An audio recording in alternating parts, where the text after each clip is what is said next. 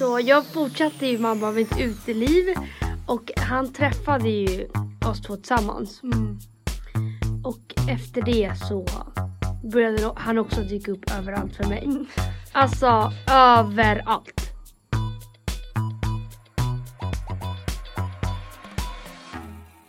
God morgon! God morgon! Välkomna tillbaka till ett nytt avsnitt med mig Alexandra. Och med mig Emilia, ett färskt avsnitt. Ett färskt, nytt, fräscht avsnitt. Ja. Alltså det som hände förra veckan. Man bara, det, det var kaos vid inspelning. Eh, jag och Emilia, Acast ligger ju fortfarande nere. Så vi skulle ge oss på att försöka koppla upp studion själva. Man bara, det gick skit. Det är skit. Det tog oss typ en timme att koppla upp studion. Vi Mm. hade ingen motivation kvar. Sen skulle vi Nej. försöka få till ett bra avsnitt. Ljudet funkade inte. Det blev pannkaka helt enkelt. Mm. Men nu är vi tillbaka. Ja. Och det roliga var att vi, alltså såhär, man kan vara oteknisk men det här det är en ny nivå. Vi hade liksom Facetime med Malte där han förklarade steg för steg och ändå klarar vi inte av det. Han bara, Alltså han kollade han skickade Youtube-videos och vi bara vi förstår inte vad det är som inte funkar. Det gick inte. Alltså, nej. Och han bara gick håll inte. ner shift-knappen. Vi bara, vart är Äh, shift? nej, nej, nej, nej, nej. Alltså vi bara hur dubbelkopierar man? Alltså det var så mycket nya ord och så mycket tangent som vi aldrig har upplevt innan. Alltså vi är verkligen lyckligt lottade när vi är på Acast att de hjälper med, Med allt. Ja. Alltså för jag tänker på hur länge ska vi ha det så här? Nej det går inte. Och idag är vi tillbaka på samma studio. Vi försökte i 20 minuter och sen bara, vet du vad? Vi ger bara upp. Vi ställer upp mobilen och så får vi köra från mobilen. För att det är så här. Plus att förra avsnittet blev typ lite halvdåligt för att vi höll på så jävla länge och bara sätta ihop det. Mm, Eller mm. försöka liksom få igång. Men ja. Nu är vi i alla fall tillbaka. Ja. Hur mår du Evilia Regifo? Jag vet inte, jag har börjat få ångest. Jag fattar ju att det är man bara coronaångest. Eh, men jag får typ så här, speciellt på kvällarna får jag så svårt att andas. Och nu kommer folk tänka men gud du har ju corona. Men eh, man bara ångest, alltså så här, min andnings... Eller min ångest har alltid varit att det, man bara det är min andning som drabbas av det. Eh, så, så har det ju varit hela, hela tiden egentligen. Men man bara nu är den, inte värre än någonsin men den är verkligen där nu. Mm. Men Så tänker det är du, skitjobbigt. jag som aldrig har tänkt sånt börjar tänka nu bara men vänta det här kanske håller i sig hela året. Ja, alltså det är inte mi, mina katastroftankar är inte att det ska hålla i sig hela året. Det är typ så här eftersom att man inte vet någonting om det här. Tänk ifall man bara, när man inte kan bli immun. Tänk om det blir värre och värre, du kan få det hur många... Alltså jag vet inte, det känns bara... Åh, jag vet inte. Jag vill bara att det här ska vara över. Och det är så här, ja... Och eh, du, man bara klagar och du har inte ens blivit drabbad på något sätt eller, eller så. Men åh, jag vill bara att det här ska vara över. Alltså fan vad man inte kommer ta livet för givet då. Alltså man över. kommer njuta av allt. Jag kommer vet- leva så mycket, ta vara på varje sekund. Ja, nej men alltså nu. För att nu, det är inte så, eller jag försöker sitta hemma så mycket det går. Och sen, eh, jag hittar ju ändå på saker. Mm. Men vi säger att jag ligger, eller är hemma i sex dagar. Så hittar jag på saker en av sju dagar istället för man bara hur man levde innan. Mm. Och det är så jobbigt för att så här, oavsett så när jag väl hittar på saker för att känna att så här, men vad fan någonting måste jag ju kunna göra. Så får jag så fucking mycket ångest efteråt.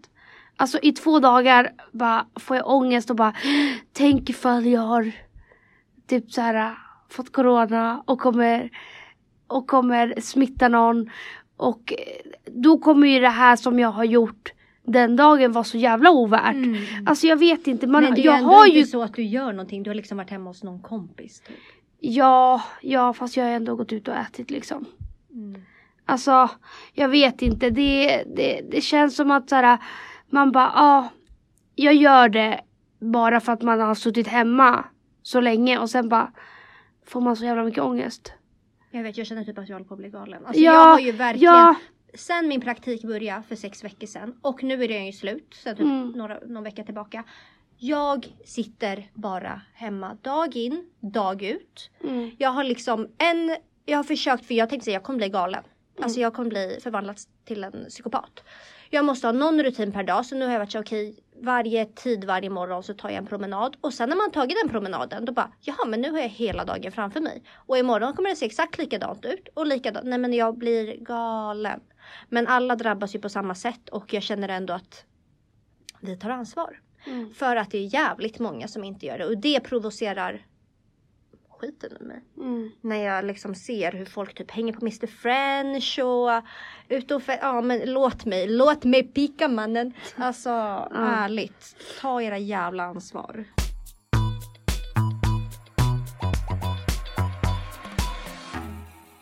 Vidare till något annat. Något roligare.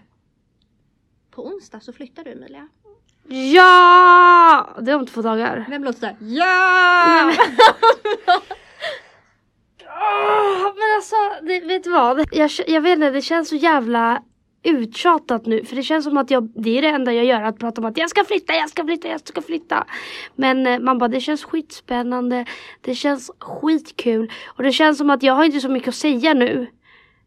Förutom att, ja, jag flyttar om två dagar. Och man bara, du ska få hjälpa mig att flytta.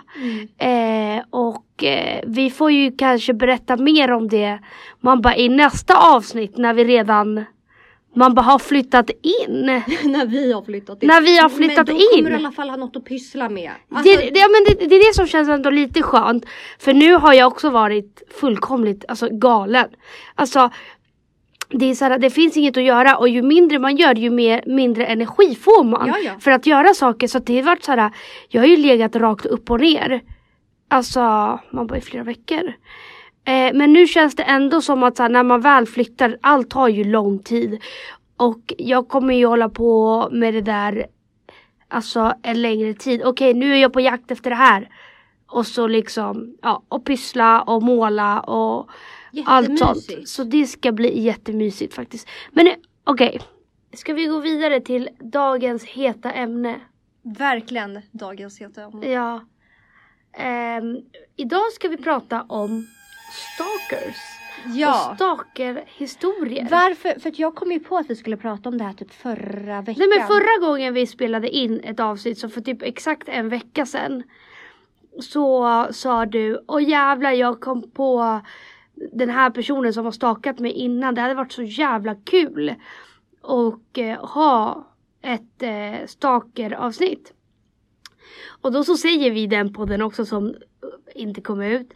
Att eh, ja ni får skicka in era stalkerhistorier. Mm, mm. Men sen så kom det ju aldrig ut. Det avsnittet. Så därför fick vi lägga upp det på vår eh, podd Instagram istället.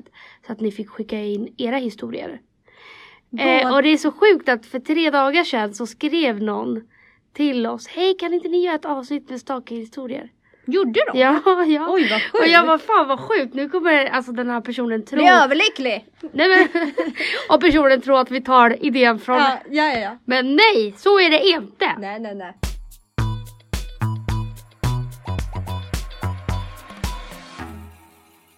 Både du och jag har ju haft Alltså grejen är så här att den här personen som har stalkat mig, jag har aldrig tänkt att den har stalkat mig. Nej. Du har bara tänkt. En, eh, en stamkund, för det började ju som en stamkund Mm. på H&M. Mm. Och när jag satt och skrev ner igår Emilia allt han har gjort, eller kanske inte allt men en del. Så bara tänkte jag så här, hade någon annan berättat för mig den här historien, då hade jag bara, men herregud det här är en, man bara livsfarlig man. Mm. Så allt började med att jag, eh, jag jobbade på H&M Skärholmen. Och eh, det kom in en, det här var många år sedan. Kom in en man. Jag märkte direkt att han var ganska speciell. Väldigt pratglad och eh, han sa att han ville ha hjälp med kläder men det märktes, alltså han ville bara ha något slags socialt utbyte typ. Mm. Efter att ha hjälpt honom i en timma så gick han därifrån. Och jag bara, ja hej då. Och han bara, ja men jag kommer tillbaka efter jag ätit lunch. Och då bara tänkte jag så här, men vad fan du, jag har ju hjälpt dig konstant i en timma. Mm. Han kom tillbaka, man bara, och där var bollen i rullning. Så efter det var han inne exakt varje dag. Ehm, jag sa aldrig mitt namn för att jag tyckte att han var obehaglig. Men man ropar ju i högtalarna, kan Alexandra komma till kassan? Så att han har ju snappat upp att jag heter Alexandra. Så att de dagarna jag inte jobbar, då, då är han ju inne och frågar efter mig. Han börjar komma med presenter. Eh, han... Vad för typ av presenter? Nej men alltså det var inga så här. eh, Han ljög jättemycket. Mhm. Han sa att han var högt uppsatt chef på Mediamarkt. Vilket jag förstod ganska snabbt att han inte var. Men Nej. ja, jag, han ljög om det. Så att han kom ju in med typ högtalare, Mm. eh, så här selfie stick, eh, chokladask, eh, någon mössa med inbyggd så här bluetooth. Goals! Han kom in med så här teknikprylar typ. Ja. Eh, och han hittade mig på Facebook, började skriva på Facebook. Jag accepterade inte honom men jag kunde ju fortfarande se allt han skrev. Liksom. Och han Ja. skrev, det var ju som att han pratade med sig själv. Mm. Och det var inte så att han var äcklig eller snuskig. Man bara, då? Utan det var mer såhär, tjena syrran, han kallade mig syrran. Ja, ja. Tjena syrran, vad gör du? Nu har jag köpt de här eh, nyaste högtalarna på Mediamarkt och ja, det började eskalera. Men att tillägga var att han var, han kanske var mest mot mig men han, han var ganska på typ alla tjejer i Skärholmen Mm. på H&M. Eh, och sen började han komma, nej men han var, han var helt sjuk. Han, han ljög så jävla mycket så han kom, började komma in på jobbet och bara visade upp massa bilder från sitt liv och alla de här bilderna var Google-bilder. Mm. Det, han, jag kommer ihåg en gång vid jul när han kom in och bara "Åh, Fan jag, jag vill överraska cheferna på Mediamarkt. Eh, så att jag gjorde ett julbord till dem. Fan jag var uppe hela natten, det är därför jag är så trött. Jag har gjort ett julbord. Och så visar han den största Google-bilden jag någonsin sagt. Alltså, Sett. Så jag går in på min lunchrast och bara julbord. Och då är det typ den tredje bilden han har tagit. Så jag bara okej då. Inte chockad. I alla fall han började bli mer och mer obehaglig. Han var liksom inne exakt varje dag. Eh, han kunde, han letade upp vad mina föräldrar hette. Goals. Eh, det var en gång jag kände såhär, fast vänta nu har du gått över gränsen. Och då var det att han kom in en dag. För att han, han hade sagt flera gånger, ja men din, din mamma heter väl det här och din pappa heter väl det här. Ja. Och så kom han in en dag och bara visade ett foto på sin mobil och sa, känner du de här killarna? Och jag bara, ja det är min pappas killkompisar. Mm. Och då hade han alltså känt igen min pappas killkompisar från min pappas Facebook. Och tagit en bild med dem. Ja men normal. som han kommer för att de här killarna, eller min pappas vänner då, bodde i Skärholmen också. Okej. Och de kanske hängde där omkring, jag vet inte. Ja, ja, ja. Så att han har alltså tagit en bild med de här. Fanbild liksom. Och bara åh, jag, jag träffade de här och jag tyckte att, det, att jag har sett dem och det är väl din pappas vänner så att jag tog en bild från riktigt schyssta killar och... Och jag bara, så vad fan är det som händer Man bara nu? nu, börjar det gå överstyr liksom. Det började verkligen gå överstyr. Så att sen när jag bytte butik från H&M Skärholmen till Ringen eller? ringen, då, sa, då kom vi överens om med chefen i Skärholmen att ingen berättar att Alexandra har bytt butik. Nej. Om, någon frågar vart hon, om han frågar vart hon är, då vet vi inte. Nej. Liksom. Bara att en glömde bort Nej. det. Så att han sa, när han kom in då, den här stamkunden, sa han att nej men Alexandra har bytt till, eh, till ringen som ligger på Södermalm. Ja. Så han kom ju dit då. då. Och då kunde han vara så här, komma in och bara, jag vill bara ha en kram, kan jag få en? Och jag, när jag såg henne, jag bara, hur fan har han hittat mig? Nej men alltså nu. Och då var han så här, "Jag- fan tjena syrran, jag kom bara för jag vill ha en kram, var så jävla länge sedan. Helt maxad. Han började också dyka upp på helt sjuka ställen. Jag kommer ihåg att det var en gång jag skulle sova hos min tjejkompis och vi, det här kan ju bara ha varit ödet, men det kändes verkligen som att han typ hade en GPS på mig. Mm. För att vi, eh, jag skulle sova hos henne så vi skulle åka förbi en bensinmack och köpa en tandborste. Den här bensinmacken låg mitt ute i ingenstans, i Mm. skogen. Mm. Från ingenstans så, när jag står i kassan så hör jag hans röst bakom mig och bara tjena syrran. Och då vänder jag mig om och bara vad, vad är oddsen att du är här liksom?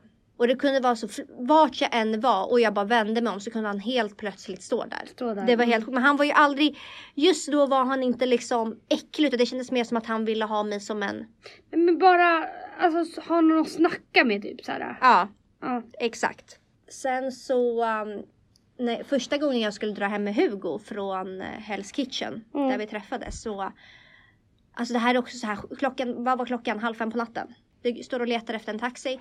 Från ingenstans så är det någon som knackar på min axel. Ja. Då är det den sjuka jäveln. Ja. Och bara tjena syrran! och jag bara vad fan, alltså nej fucka inte det här liksom. Nej. Man bara det här är lite guldläge. Och då så han bara, vad fan ska du dra hem med honom? Vad fan syrran dra hem istället? Och Hugo bara, vem är det här? Och grejen den här människan, så fort han öppnade munnen så märkte man att han var väldigt märklig och obehaglig. Och typ skulle så här låtsas slåss mot Hugo och liksom. Ja, det blev jättepinsamt. Eh, och då Men sa- hur förklarar du det här för Hugo Nej men det var liksom? det för jag bara, hur ska jag säga det här? Plus att han hälsar på mig som tjena syrran.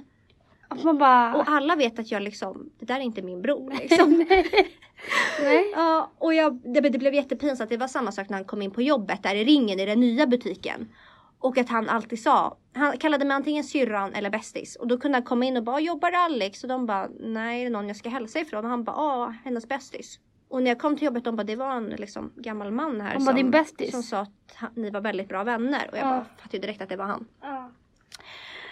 Men i alla fall den gången när han eh, försökte få mig att inte dra hem med Hugo, då sa jag till honom så här, alltså du måste sluta, du måste låta mig vara. Mm. Och jag svarade på honom på Facebook och bara snälla sluta skriv, det räcker nu. ja.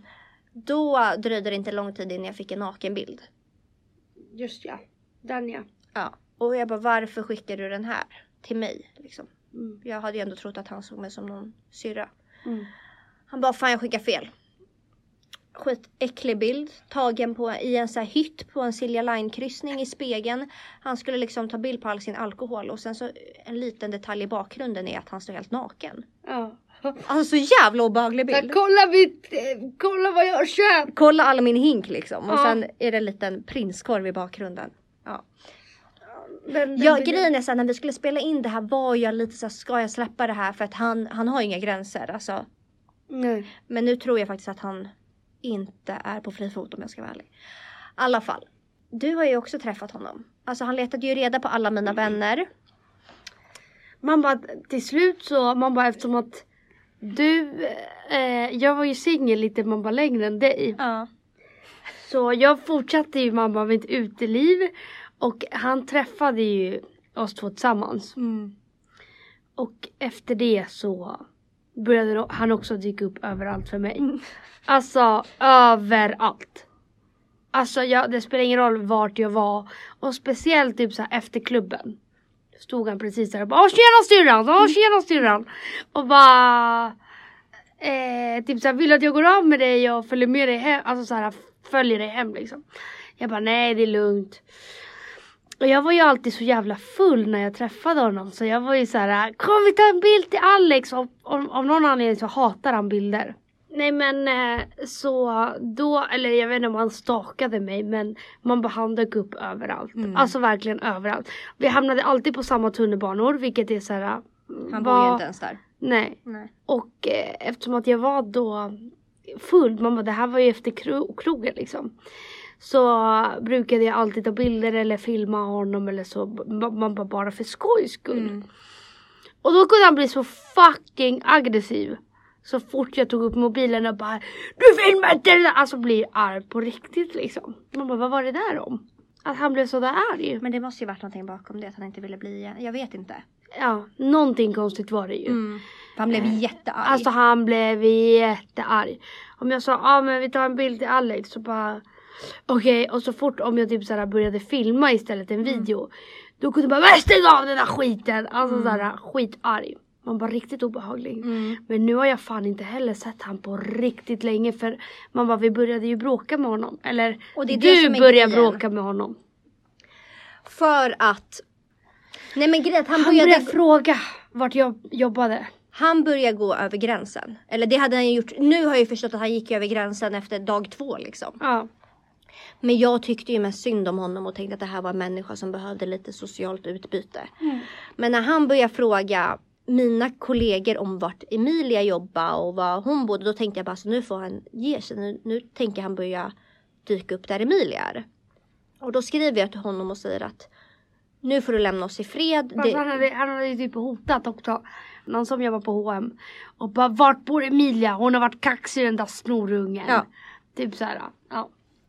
Och då sa i alla fall nu räcker det, nu får du lämna oss i fred. Typ vi, Hör Vi aldrig, på det, liksom. hör aldrig mer av dig, sluta dyka upp där vi är typ. Mm.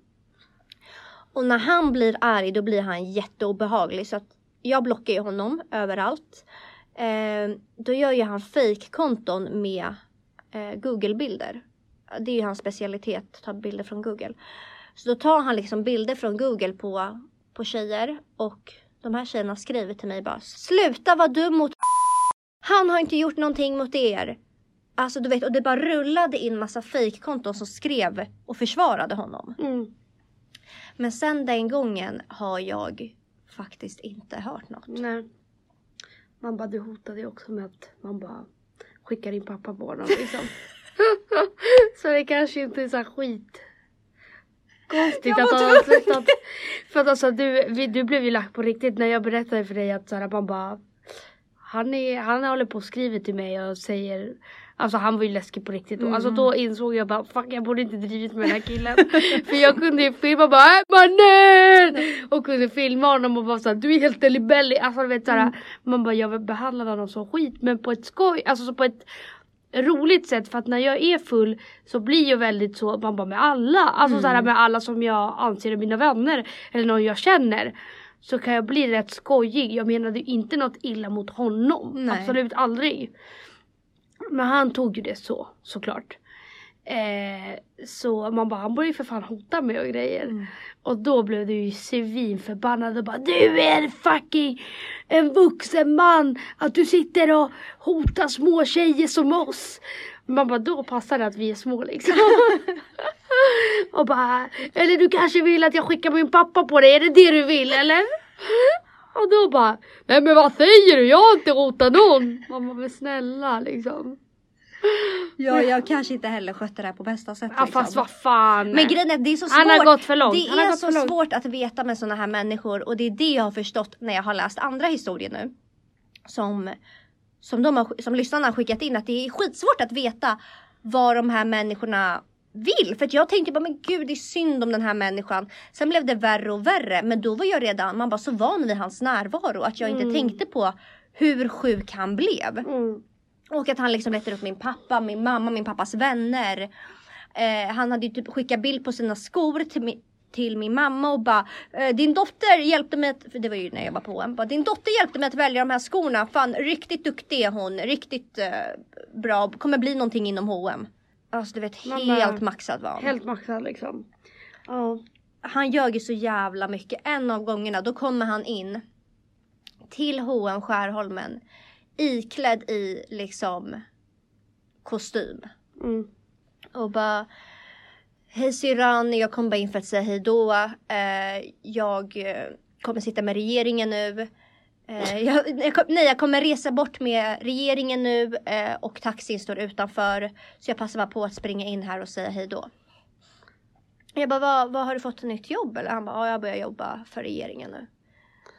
Och då kommer han liksom in i full kostym. Och bara, ja jag kommer vara borta nu. Jag, jag kommer resa bort med regeringen i ett år. Eller jag kommer inte ihåg vad han sa. Sen kommer han in på H&M typ dagen efter igen och jag bara jaha. Jag förstår att Men alltså vet du, vet du det, upp det är det sig. roligaste, det roligaste jag vet, eller det roligaste också det jobbigaste. Det är mytomaner. För att de kan gå hur långt som helst. För att man, bara, man ska tro på dem. Mm. Man bara, för jag har, det är inte en nära vän till mig, men jag har en person i mitt liv, eller hur ska man säga? Eh, En men, bekant. Ja, en bekant till mig. Som är mytoman, alltså the real deal mytoman. Alltså man bara, det, är bara lögn på lögn på lögn på lögn. Och det behöver inte vara en stor grej utan det kan bara vara så här, vad gjorde du igår? Och så hittar den personen på en historia som man bara alla vet om att, så här, att det, det är inte så. Du var bara hemma liksom. Och den personen verkar ju inte fatta att man bara, att man inte tror på ett skit Mm. av vad den säger. Men ehm, fortsätter och fortsätter och fortsätter och fortsätter. Och det är sådär helt o... Så här, det är ingen jävel som bryr sig om vad du ljuger om. Eller det är sådär, förstår du vad jag menar? Mm. Typ att han, varför ska han komma och bara ah, nu ska jag träffa regeringen och börja jobba med dem. Men förstår också Av hur vilken långt han har tagit liksom? Han har gått och klätt upp sig. Ja ja. Sin finaste kostym. Ja, ja. Tagit sig till H&M Skärholmen. Och sen dyker han ändå upp dagen efter som ingenting. Det är helt jävla sjukt. Fast kan någon, är någon stalker normal ens? Nej, men den här nivån. Alltså Man som, bara, den som är han sjuk. går in i, han lever ju en drömvärld liksom. Mm. Men det är i alla fall skönt att han, Är borta nu. ja jag hoppas att han är borta för alltid. Fan vad skönt.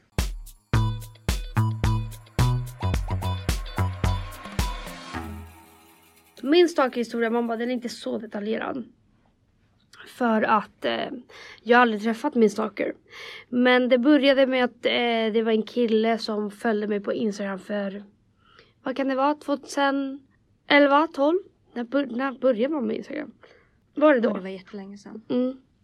Och han började skriva till mig och eh, man bara, då svarade jag ju. Han var ju såhär, åh du är så snygg. Eh, på engelska då. På DM. Nej vänta det fanns inte DM då. På, på mina bilder då. Måste ha kommenterat mina bilder. Du är så snygg lalla. Och jag bara, tack liksom. Mm. Eh, skrev till mig på Facebook mycket. Alltså det var såhär varje dag. Varje, varje, varje dag. Eh, men det kunde vara något litet som så här, åh du är så vacker. Eh, hur mår du idag? Sen fick han ju liksom, i början svarade ju för att vara snäll. Men man bara, sen så slutade jag aldrig, så då slutade ju jag svara såklart.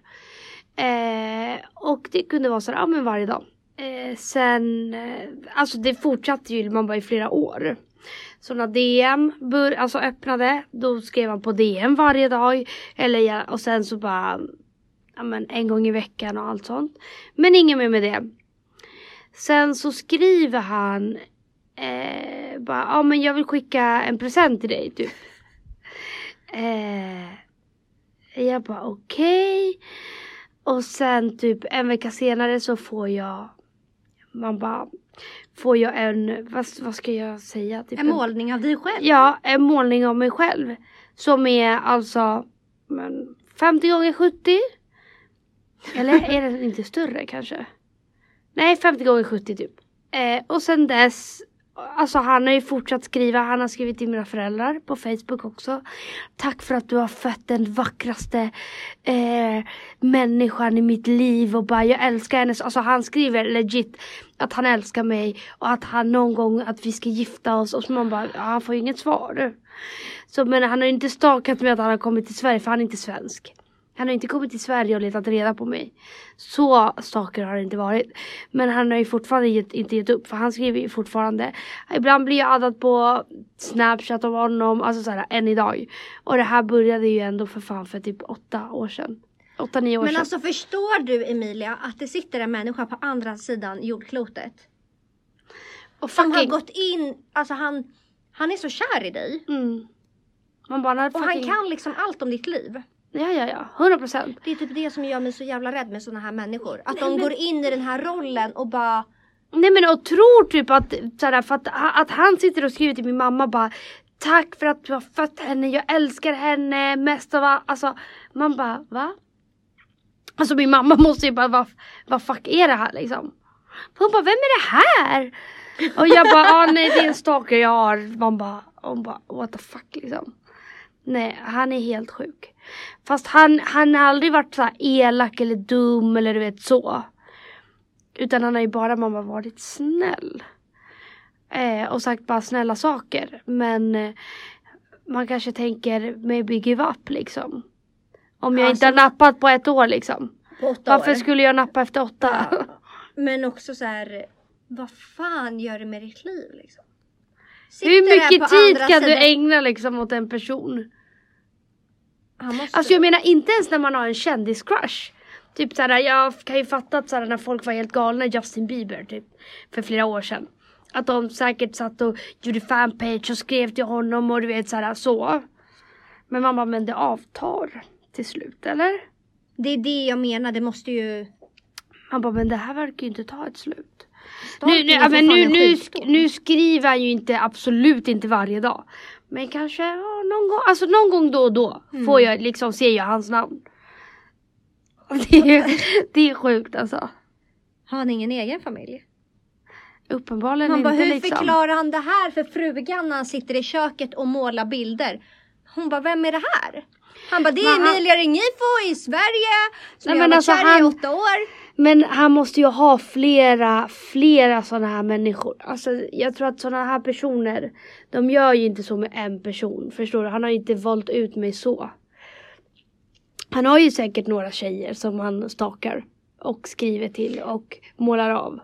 Men det är det jag tror att när de väljer ut de här personerna då lever de som i en drömvärld. Han tror ju liksom att Ja men han tror ju säkert att såhär det här är ömsesidigt. Det är ömsesidigt Mm. och såhär när han skriver så tror han säkert att för att en, van, en normal person i huvudet om jag skriver till en person och den inte svarar då slutar man ju. Ja såklart. Och har man inte slutat på åtta år då då är man inte ens sjuk längre. Då är man på en helt ny nivå av eh, det, det går inte så att förklara liksom. Men fatta själv att bli så besatt av en människa. Ja det är helt sjukt. Men tänk, alltså jag, tänk, jag tänkte ju förut, alltså förut var jag ju rädd för honom liksom. Eh, och tänk, tänk om man bara skulle komma till Sverige, han vet ju exakt vart jag bor. Mm. Alltså han vet exakt vart jag bor. Han, eh, nej men han, jag, jag vet inte. Det är sjukt. Thank you for giving birth to an amazing princess. She brings out the best in me and she is so beautiful. She means the world to me and, and I truly love your daughter. Det, det har han alltså skrivit till min mamma. Men hur, hur sjuk får man vara? Hon tar ut det bästa i mig. Vad fan har du gjort då? Vad fuck har jag gjort för att, förutom att svara tack snälla? Fan. Men det är det man, man tycker så synd om då. I truly love your daughter. Alltså, det, det är inte friskt. She means the world to me. Förstår Alltså, du? jag- Och det, jag- känns som att han menar när han skriver det här. Och jag är bara tacksam över att du inte bor i samma land som honom. Nej men alltså fatta då. Han känns som en sån som, Josef Fritz. ja, och så här, skulle han bara Alltså se mig i verkligheten så känns det som att eftersom att han tror att han känner mig så Mm. pass bra eftersom att han, han, när han skriver till min mamma, han tycker inte att det här är sjukt. Att skriva liksom att så här, hon betyder allt för mig liksom. Så det känns som att han bara skulle kunna iaktta mig i så här flera timmar, flera dagar. Mm. Exakt som Joe. Det är ju njutning för honom liksom. Ja, Usch vad obehagligt. ja riktigt obehagligt. Okej, vi går över till några tittar... tittare. Titta frågor! Ja. Mamma men snälla.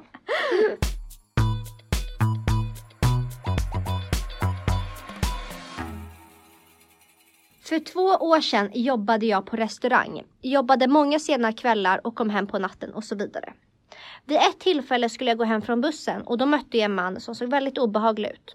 Som vanligt var jag redo med telefon och nycklar mellan fingrarna. Eh, han passerade mig men jag fortsatte vända mig bak och se mig över axeln för att hålla koll. Mycket riktigt såg jag att han till slut vände sig om och började gå efter mig. Jag hann in som tur var men han han se vart jag gick in.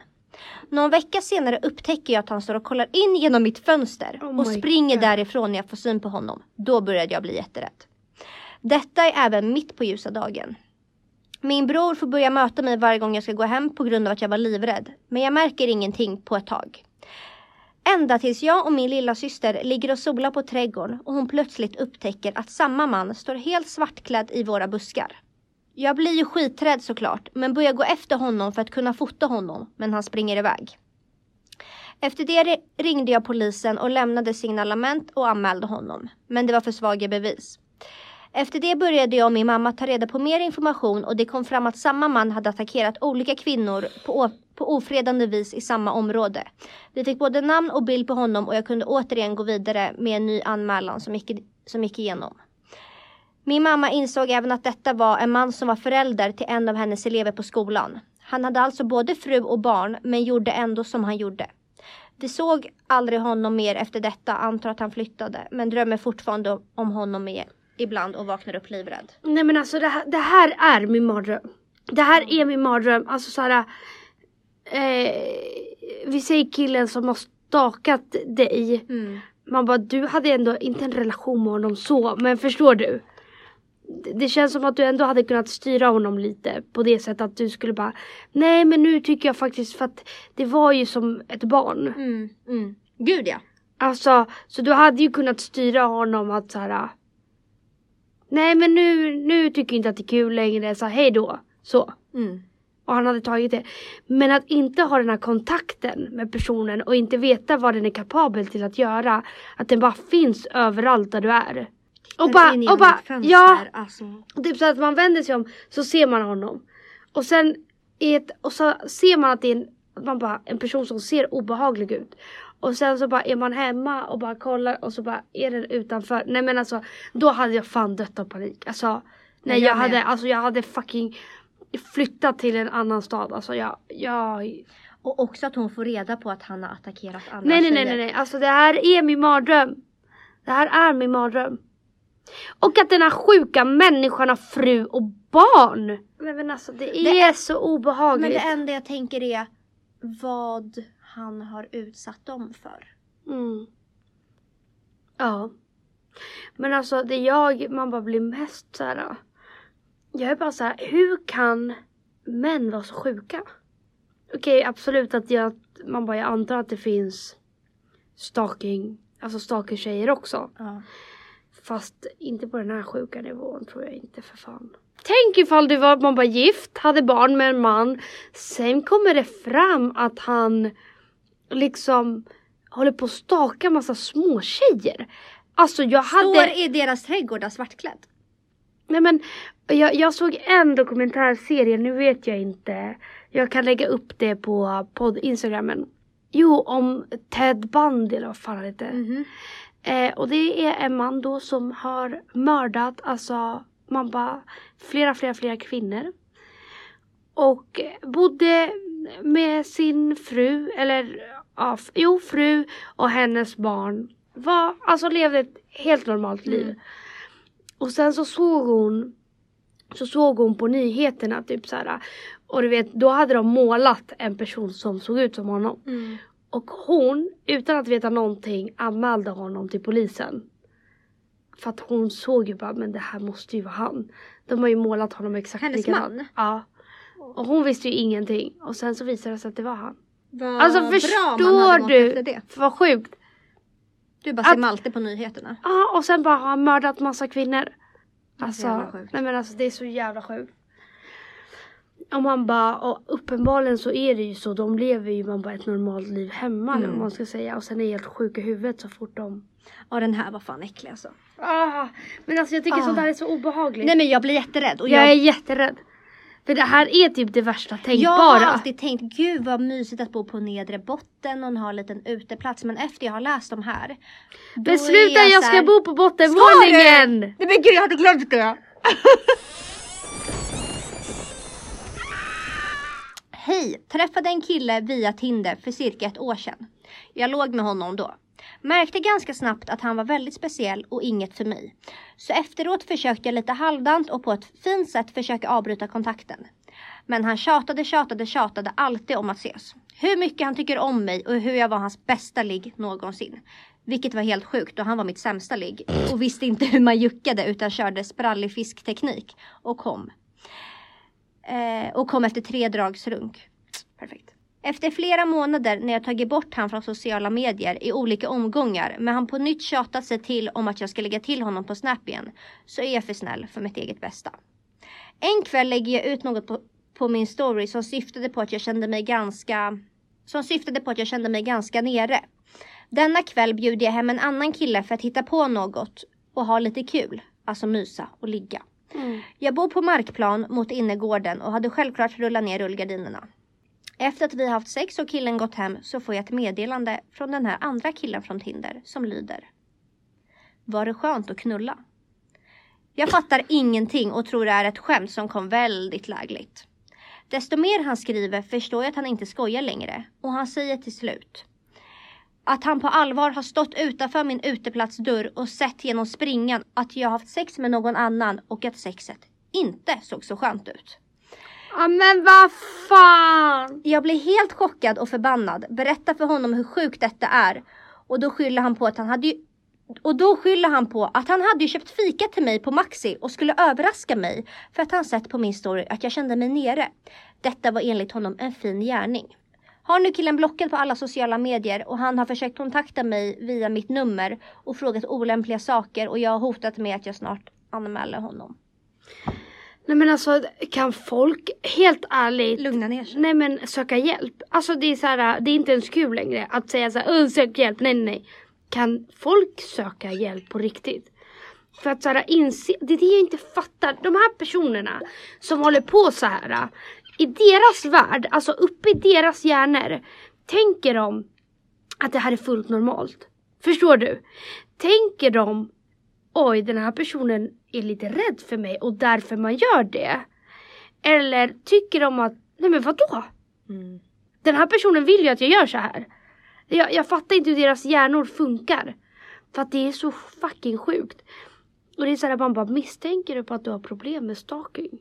Sök hjälp på riktigt. Men alltså jag hade aldrig kunnat bo kvar om jag visste att den här psykopaten har stått och kollat igenom de här små springorna.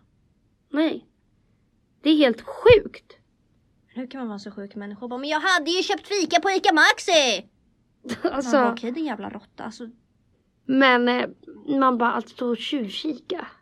Det känns ju lite det väl. känns som att sådana här människor får ju njutning av Nej det. men, men, men det är jävligt sjukt. Jag försöker bara tänka mig in mig själv om Nej jag men skulle... tänk att träffa en fucking Tindergrabb två gånger och sen blir han helt besatt och kommer och fucking tjuvkikar när du har sex med andra och bara vad sexet Nej men det skönt. kan inte bli sjukare. Det kan inte bli sjukare. Och att han fucking säger det till och med. Vad sexet skönt. Och bara det såg inte så skönt ut. Så Nej. fattar du hur noga han har iakttagit allt då? Han lever ju för skiten. Ja, men vad fan, det är så jävla obehagligt. Det är fruktansvärt ju.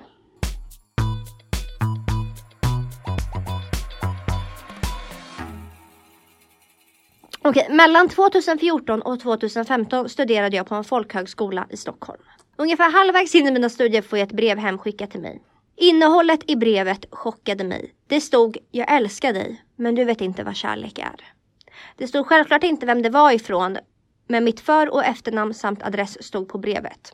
Jag kunde absolut inte tänka ut vem det skulle vara. Mitt ex? Nej, absolut inte. Någon jag dejtat innan? Det trodde jag verkligen inte. Vem hade skickat detta brev till mig? Dagen efter går jag till skolan och jag tar med mig brevet dit. Drar in en av mina närmsta killkompisar i ett grupprum för att visa brevet. Grupprummet består av fönster, alltså väggar och dörr med fönster som man har full insyn till rummet. Jag visar brevet för min vän som också läser det och blir fundersam. Vem kan det vara? Dagarna går. Jag tänker på det hela tiden men känner att jag kanske måste släppa det. På kvällen får jag ett sms där det står. Du borde inte ha visat brevet för... Beep. I det ögonblicket förstod jag precis vem det var. Allting föll på plats och jag blev äcklad och arg. Personen som hade skickat brevet till mig var en äldre man och jag var då 21 eller 22 år gammal. Detta är en man som jag inte pratat med i skolan förutom gruppsamarbeten. Men jag är mycket medveten om att han tittade och stirrade mycket på mig. Hur som helst, jag svarar den här mannen att det inte är okej att han har skickat brev hem till mig samt letat upp mitt nummer och nu har börjat smsa mig. Jag säger något i stil med att vi kan lägga det här bakom oss bara han slutar höra av sig. Detta fungerade ju såklart inte och helvetet brakade loss efter detta. Den kvällen när han hörde av sig för första gången så ringde han mig över 60 gånger. Oh. Jag svarade aldrig på något av samtalen. Han lämnade röstmeddelanden där han grät och skrek och talade om hur mycket han älskar mig och hur djupt jag sårat honom. Kom ihåg att jag hade ingen relation till denna man överhuvudtaget förutom att vi gick i samma skola. Jag vet än idag inte vad han menade med allt men jag tror att han kokade ihop en kärlekshistoria om han och mig i sitt huvud. Den här mannen växlade väldigt mycket i sitt sätt att skriva till mig. En dag var det långa kärleksförklaringar och jag var det finaste i hela världen. Den andra dagen var jag en hora som inte förtjänar något bra i livet för att jag har varit elak mot honom. Den tredje dagen ber han om ursäkt för sitt beteende och ville ta livet av sig. Det pendlade mellan detta hela tiden.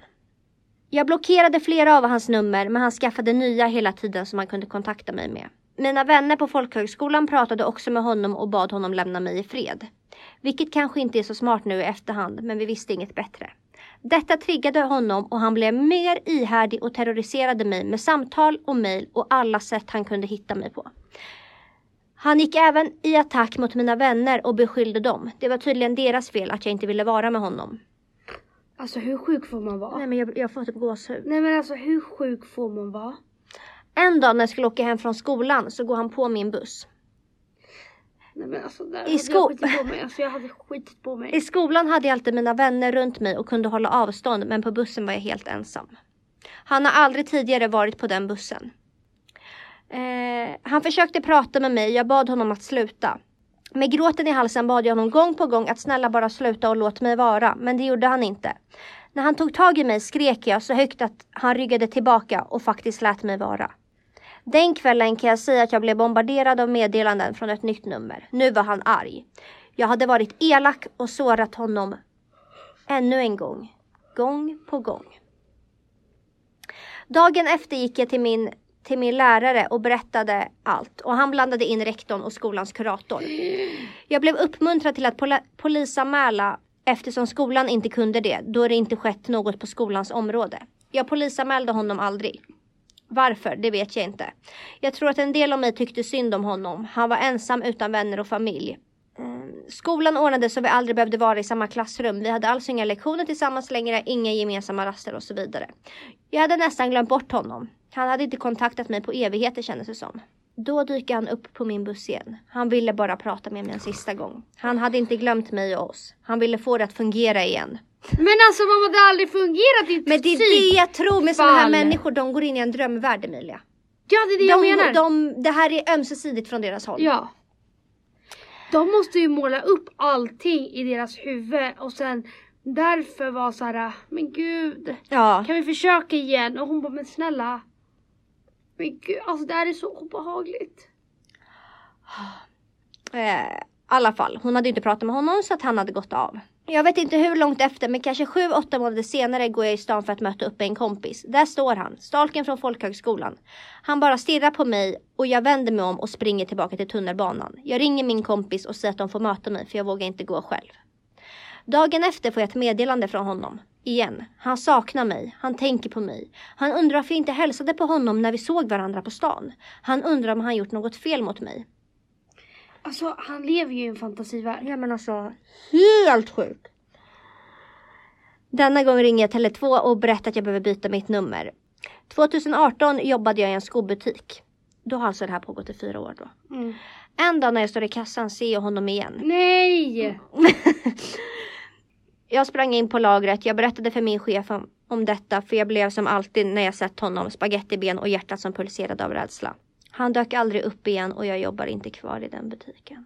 Men ska hon behöva oroa sig hela livet för Men att han alltså- ska dyka upp lite här och var? Nej men alltså det här är så läskigt. Nej men jag fick, jag fick jättemycket panik när jag läste det här. För tänk att ha en man, alltså jag tycker att han jag hade var helt sjuk. Mm. Men tänk att ha en människa som ringer dig och gråter och som tror att ni på riktigt Ja. har en relation. Mm. Och han är liksom helt förkrossad över att det här inte fungerar. Mm. Nej men, eh, har du sett filmen Jokern? Nej. Ja, ja, han, det är en jättebra film som jag tycker alla ska göra. För att det, Ska se. Det är väldigt mycket med psykisk ohälsa. Alltså så här, han mår ju inte bra här uppe liksom. Men eh, inte för att han var en stalker eller så. Utan eh, han eh, inbillar sig ganska mycket här uppe i huvudet. Mm. Och det är det som också blir lite oklart i filmen. För att ibland, vissa scener så tror man att det händer på riktigt. Mm. Men det bara händer i hans huvud. Och jag antar att det är väl så det är för de här personerna. Att i deras huvud så är det ju verklighet. Då har de säkert så scenarion som är helt sjuka. Alltså typ så här, ja men vi sitter eh, hemma hos mig och pratar och Alltså Ja, ja, förstår ja, du? Som ja. att det har hänt på riktigt. Men det är bara i deras huvud. Mm. Det är så jävla sjukt. Jag får jättemycket panik. Alltså det är så jävla sjukt. Alltså. Åh fy fan alltså. Nej fan man önskar ju för fan ingen en stalker alltså. Nej men alltså, för att det hon avslutade med mejlet, i mejlet att skriva det är typ att så fort sånt här börjar då ska man egentligen anmäla.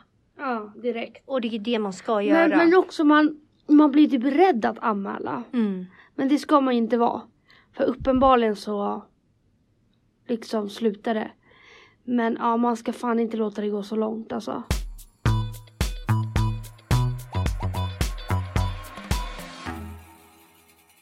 Nu är det slut för idag med de här obehagliga jävla människorna. Och skulle det vara så att eh, vi fortsätter få in, alltså så här, ni kan ju fortsätta skicka in stalkerhistorier. Och om vi inte har det som ett, ett helt poddavsnitt så kan vi ju ha det som ett litet segment Mm. i podden om ni tycker att det är kul. Kan vi köra någon stalkerhistoria då och då? Låter bra. Kanske låter inte bra. varje helg eller var... Varje kanske, helg. Kanske inte varje torsdag. Men eh, vi får ju se. Men tack snälla för att ni har lyssnat. Vi hoppas att man bara det här löser sig snart.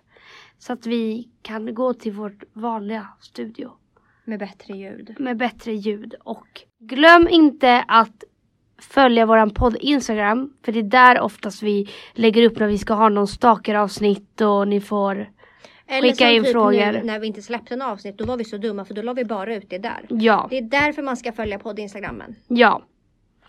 Och ehm, tack för att ni har lyssnat. Vi hörs nästa vecka. Puss och kram. Puss och kram.